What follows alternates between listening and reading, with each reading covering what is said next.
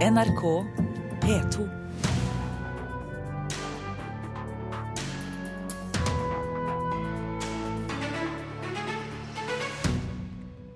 Helt feil å samle alle departementer i ett nytt regjeringskvartal, mener Kåre Willoch. Han får støtte av eh, Thorvald Stoltenberg. Nær 250 000 har sett Peder Balkes kunst på ærverdige National Gallery i London. Museet skulle gjerne hatt eh, den stående lenger. Huge success, huge success. We're, we're uh, thrilled. We're only sorry to see it go. Og misfornøyde musikere og avlyste konserter, det blir snart hverdagskost om Norge ikke får flere pianostemmere. Og så skal vi anmelde Margaret Atwoods siste bok, i hvilken hun avslutter sin trebinds dommedagsfabel på imponerende vis, ifølge vår anmelder. Kulturnytt får du med Birger Kolsrud Jåsund i studio. Det er helt feil å samle alle departementene i det nye regjeringskvartalet, mener tidligere statsminister Kåre Willoch. I går eh, fikk vi se hvordan de seks arkitektteamene har tenkt at det nye regjeringskvartalet kan se ut, og fordi alle departementene utenom Forsvarsdepartementet skal samles på samme sted, så er forslagene preget av enten veldig høye hus eller veldig tett by på bakkeplan. Ved å flytte Utenriksdepartementet til det nye regjeringskvartalet mister vi dessuten viktige historiske sammenhenger, mener Willoch. Hvorfor i all verden skal man flytte Utenriksdepartementet fra dette tradisjonsrike sted? Det er jo et monumentalbygg. Det er ikke mange nok monumentalbygg egentlig i Norge. Det er et bindeledd i historien som man bør ta vare på. I går fikk vi se forslagene til hvordan et nytt regjeringskvartal kan se ut. Og reaksjonene lot ikke vente på seg. Her ved byantikvar Janne Wilberg. Dette er eh, arkitektonisk overdose. En premiss er at man skal samlokalisere de fleste av departementene. Eh, men det er en ganske høy pris å betale for å gjøre det. Så kanskje man skulle tillate seg, og i hvert fall vurdere, om det er nødvendig å ha alle plassert på, på samme stedet. Så vidt jeg kan se, så er det jo ikke plass til alle departementene. Så det vil også bli lettere å skape et trivelig, åpent og trygt regjeringskvartal hvis man lar Utenriksdepartementet forbli der det er, der den har ligget det meste av sin tid. Kåre Willoch får støtte fra en annen kjempe i utenrikspolitikken, Thorvald Stoltenberg fra Arbeiderpartiet. Jeg er helt enig. Når folk kommer til det norske utenriksdepartement, så kommer det til også en del av det vi har å vise frem i Norge. Sånn har det de fleste land jeg kjenner til, og som det er naturlig å sammenligne oss med, som det heter. Stockholm er et gammelt palass. I Danmark er det disse lagrene ved havnen som er modernisert og omgjort. Og Finland er meget gamle hus. Når du går i Sør-Europa, så har du gamle, praktfulle palasser som er en del av historien både til Portugal og Spania. Slik at jevnt over så er vi vant med at man prøver å bruke Utenriksdepartementet som arbeidsplass og som utstillingslokale. Han har vært både statsminister og utenriksminister, men Kjell Magne Bondevik fra Kristelig Folkeparti støtter regjeringens planer om å samle alle departementene på ett sted, også Utenriksdepartementet. Jo, selv om bygningen på Victoria terrasse har eh, historisk betydning, så er jeg åpen for at det nå er best å flytte departementet inn i et nytt samla regjeringskvartal. Det er en fordel å ha flest mulig departement samla. Det er en fordel for eh, medlemmene av regjeringen eh, å sitte nær hverandre. Det har jeg sjøl erfaring for. Så mm, hvis vi klarer å innpasse Utenriksdepartementet i et nytt regjeringskvartal, så mm, er jeg positiv til det. Ja, Det sa Kjell Magne Bondevik til reporter Tone Staude. Regjeringen vil samle departementene for å gjøre samhandlingen og sikkerheten bedre, og når departementene samles kan stengte gater og byrom i andre deler av byen åpnes, sier kommunal- og moderniseringsminister Jan Tore Sanner til oss. Og på nrk.no kan du stemme på din favoritt av forslagene som kom i går, og så langt, så vidt jeg kan se, så er det Snøhettas forslag som leder, tett etterfulgt av arkitektstudentene.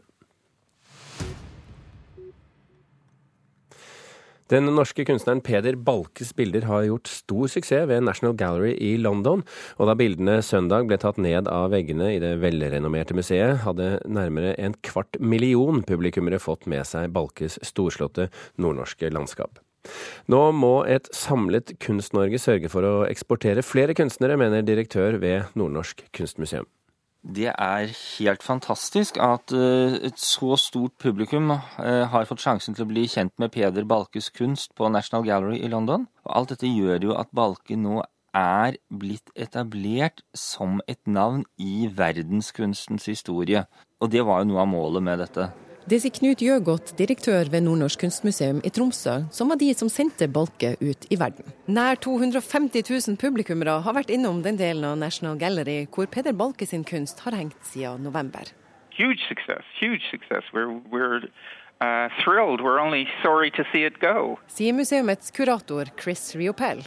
Well, this is marvelous. This is, well, really more than twice what we anticipated. And it shows that there was a word got around and there was a very lively interest in the exhibition. Anmeldelsene i de viktigste britiske mediene har vært bra, og det har også kommet publikum reisende nordover som følge av utstillinga, forteller Gjøgodt. Det er eh, mennesker som har reist til Tromsø og Nord-Norge for å se naturen som Balke har malt. Til og med BBC sendte da for noen uker siden et, eh, et TV-team til Nord-Norge for å filme denne storslagne naturen, etter at de hadde sett Balkes eh, landskaper på National Gallery. Men enda mer enn han er opptatt av responsen på Balke-utstillinga, mener Jøgot at Norge må bli flinkere til å promotere norsk kunst utenfor landets grenser. Man bør smi mens jernet er varmt. Per i dag så er det jo hovedsakelig Edvard Munch man har jobbet for å, å, vise frem. Vi har så mange andre, og det hadde vært fantastisk om kunstmiljøet, myndighetene, forskjellige stiftelser, eh, de som er interessert i dette, kunne sammen gjøre et løft nå for å gjøre norsk kunst kjent utenfor Norge. Ved Nordnorsk kunstmuseum har de hatt en strategi om å vise kunst også internasjonalt. Og i tillegg til Balke har de nå utstillinga Sami Stories i Anchorage, samme utstilling som har vært i New York. Men Gjøgodt mener kunstmiljøet bør samle seg mer. Jeg synes vi bør kanskje legge noen felles overordnede planer her, strategier, for at vi skal få, få, dette til videre. Ved museet i Tromsø merker de også det som gjerne kalles en nordisk eller skandinavisk bølge. En økt interesse for mye av det som skjer her nord. Det har jo vært en interesse for skandinavisk litteratur. Det har vært en interesse for skandinavisk eh, film og fjernsyn. Og jeg, når jeg snakker med kolleger i England eller USA så merker jeg en økt interesse for dette. Marianne Stevens, kurator, tidligere sjefskurator ved Royal Academy, hun har uttalt at eh, folk er sultne på å se mer fra Skandinavia. Chris Riopel er enig i at denne bølgen eksisterer. Han omtaler National Gallery som en pioner innen formidling av skandinavisk billedkunst, og sier at det er stor nysgjerrighet blant publikum på noe mer enn fransk modernisme. There is next year going to be an Astrup exhibition here in London, and other Uh, Men tilbake til Balke, kunstneren fra Hedmark. Hadde han levd, ville han nå opplevd en stor amerikareise etter sin London-suksess. Nå vil um, Sparebankstiftelsen DNB, som et direkte resultat av utstillingen i London, deponere uh, det fantastiske balkemaleriet av Nordkapp fra 1845 i Metropolitan Museum i New York, for å øke interessen for Balke på den andre siden av Atlanteren. Og reporter her, det var Hege Irén Hansen. Og det blir mer om norsk kultur eh, som eksporteres til utlandet og gjør suksess litt senere. Da skal det handle om den amerikanske musikkfestivalen Coachella. Men vi skal først eh, innom uh, Margaret Atwood. Hun er en kjent forfatter og miljøaktivist. Og når hun kombinerer de to interessene, så blir det litteratur som spraker, ifølge vår anmelder Anne Katrine Straume. Margaret Atwood er 75 år og har skrevet bøker i nærmere 50 av dem. Hun har skrevet essays og poesi, thrillere, brukt stoff fra myter og religiøse fortellinger, og advart mot vår ukritiske omfavnelse av teknologi. Det er spesielt genspleising av mat og tukling med menneskelig arvestoff Atwood er urolig for. Konsekvensene kan bli katastrofale. Det viser hun i den dystopiske trilogien som begynte med Oryx og Crake i 2003, og avsluttes med Mad Adam, som denne uken foreligger på norsk. Og for å ta den norske oversettelsen med det samme. Inger Gjelsvik har gjort en usedvanlig god jobb med å gjenskape Atwoods stemme til norsk. Ordspill, små dikt og barnerim, humor og avansert teknologi. Alt er oversatt med fantasi og kløkt. En liten gruppe mennesker har overlevd en dødelig pandemi, spredd med vilje av den superintelligente, men moralsk tvilsomme vitenskapsmannen Craig. Han har skapt en ny type mennesker som han mener bør overta jorden. De kjenner verken sinne eller sjalusi, de trenger ikke klær siden huden deres tåler både varme og kulde. De spiser bare planter og sover der det måtte passe. Gjennom Snømann, eller Jimmy som han egentlig heter, og som er Craigs tidligere venn, får de tilgang til fortellingene om deres egen tilblivelse. I denne siste boken får de også banebrytende lærdom, nemlig tilgangen til skrift. Atwood beskriver en verden som allerede før tilintetgjørelsen er delt inn i områder for de bemidlede og områder for de fattige. Vitenskapsfolk bor i sterile samfunn beskyttet bak murer. Akademikere har sine egne enklaver, og i plebland, der Bermen bor, er det lovløse tilstander. Genmodifisering har ført til nye dyrearter, som grisonger, ekstra store griser med en dæsj av menneskelig intelligens, skapt som organdonorer, eller hårfår, som har det vakreste hår som menneskene kan transplantere til egne hoder. Kritikken av vårt vestlige forbrukersamfunn er tydelig. Noen vil kanskje mene at Atwood skyter med for grovt skyts, for hun rammer både oljebransjen og religiøse hyklere, den korrupte petroleumskirken får sitt. Hun rammer sexindustrien, reality-TV, her kan dødsdømte fanger kjempe mot hverandre på direktesendt TV. Eller sikkerhetstjenesten, der førerløse droner ser alt. Digital overvåking og ditto-hacking gjør hverdagen tryggere for multinasjonale firmaer, men utrygg for folk flest. Jeg liker fabelen. Jeg har sans for Atwoods ironi og ordlek. Kritikken rammer, den fremstår ikke som surmaget, snarere som satirisk og perspektivrik. Jeg gleder meg dessuten over betraktningene om vår fascinasjon for fortellinger, og mytenes betydning for vår egen selvforståelse som mennesker. Det mangler ikke på dystopiske skrekkromaner. Atwood kan ses som en arvtaker etter Aldous Huxley eller George Orwell, hvis dystre fremtidsutsikter ble mer realistiske enn de selv hadde trodd måtte forsynet forby at Atwoods visjon, som produserer et så sterkt ubehag nettopp fordi det hun beskriver faktisk er teknisk mulig, aldri blir vår nye virkelighet. Ja, Det mente Anne Katrine Straume om Margaret Atwoods roman 'Mad Adam', som altså er oversatt av Inger Gjelsvik. Og la meg ta med at eh, Margaret Atwood er en av hovedgjestene under litteraturfestivalen på Lillehammer i mai, og at denne trilogien nå skal bli TV-serie, produsert av HBO. Klokken er 15,5 minutt over åtte. Du hører på Kulturnytt, og dette er toppsaken i Nyhetsmorgen nå. Nesten ingen blir dømt for menneskehandel innen prostitusjon i Norge. Av 36 anmeldelser ble det bare tatt ut tiltale i to saker.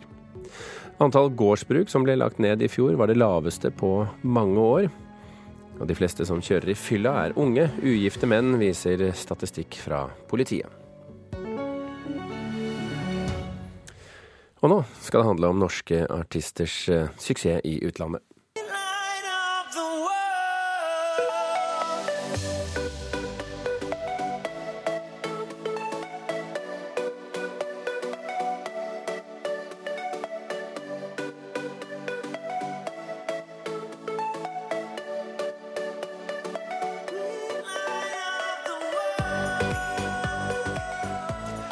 For mange er dette kjente toner. Kygo med låta 'Firestone'. Han er en av fire norske artister som til helgen står på scenen hos en av USAs største og kanskje kuleste musikkfestivaler for tiden, Coachella. Festivalen foregår i Indio i California og har blitt nesten like kjent for de fremadstormende kjendisene og deres entorasjer, en riktig se og bli sett-festival, som for artistene som står på scenen. Trine Jørgensen Åndal, eh, musikkanmelder her i NRK. La oss begynne i den eh, ene enden. Hva er Coachella? Eh, Coachella er, som du sa, en av de største og viktigste musikkfestivalene, både for artister, men også å være publikum på. Den har veldig sterk standing og veldig trendbevisst publikum. Og i tillegg så er det jo Altså, de har over en halv million besøkende over to helger. Dette er jo en en festival som greier å arrangere to identiske helger med samme program to helger etter hverandre. Og det er jo ganske, det sier jo litt om hvilken standing den har også i bransjen, som når de klarer å booke på samme store artister to helger på rad. Men hvorfor er den viktig? Hva er det som gjør den viktig? Eh, nei, det er jo et enormt eh, publikum der, og ofte et ganske sånn eh, ledende publikum på trender og sånt. Så det er et eh, bra sted å få vist seg frem. og når det er så mange potensielle besøkende på, på konserten din, så, så sier det seg jo sjøl at den har et visst eh, nedslagsfelt. Ja.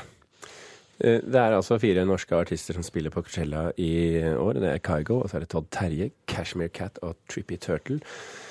Overrasker det deg at det ble nettopp disse som eh, ble valgt ut i år? Nei, det, det gjør det ikke.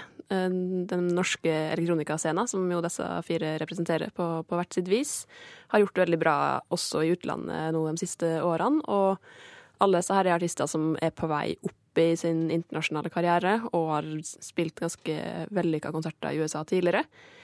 Og de har mye spennende på gang, så det er ganske naturlig at dem som er uh, booka. Trippy Turtle er kanskje den mest overraskende. Han er langt mindre kjent enn de andre. Han, har, han som er Trippy Turtle, har tidligere lagd musikk som, som Lido Lido, uh, rapper. Og han, også, han har samarbeida mye med Cashmere Cat og lager litt den samme type musikk som Cashmere Cat gjør. og har vel den siste tida hatt base i New York for å jobbe med musikken hans, så det, det, er spennende ting på, på gang der også.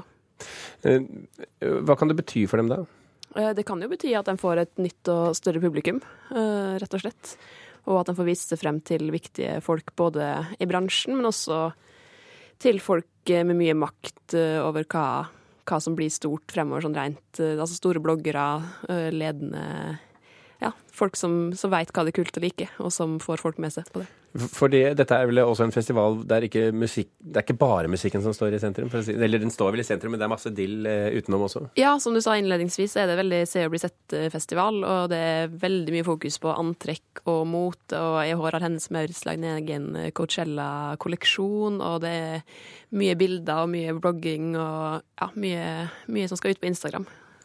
Eh, vi, det, vi, ser jo at det er eh, Vi ser jo at det er mange kjendiser. altså Rihanna er der, Beyoncé er der, disse Kendal-søstrene, altså Kim mm. Kardashian og sånn. Hvor stor påvirkningskraft har det? Jeg vet at dette ikke er ditt spesialfelt, men når du nå først eh, Nei, De har jo stor innflytelse på, på unge folk, så, så, jeg tror ikke man skal undervurdere betydninga av at de er blant publikum. Så jo også at det hadde en ganske sånn bra effekt da Katy Perry tidligere i år tvitra om Aurora Aksnes, og noe sånt kan fort skje på nytt uh, hvis en eller annen kjendis er på Todd Terje eller Kygo-konsert. Ja, så dette er altså norske artister på full vei opp, og kanskje det ja, kanskje det blir en stor karriere av det? Ja, og det er stort å spille på Coachella, så det, så det er kult å se at de har booka fire norske. Ja.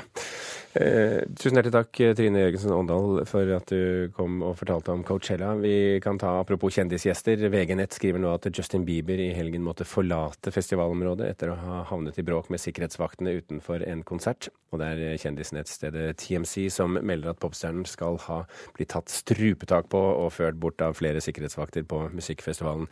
Og dette gjør vel ikke interessen for Coachella noe særlig mindre.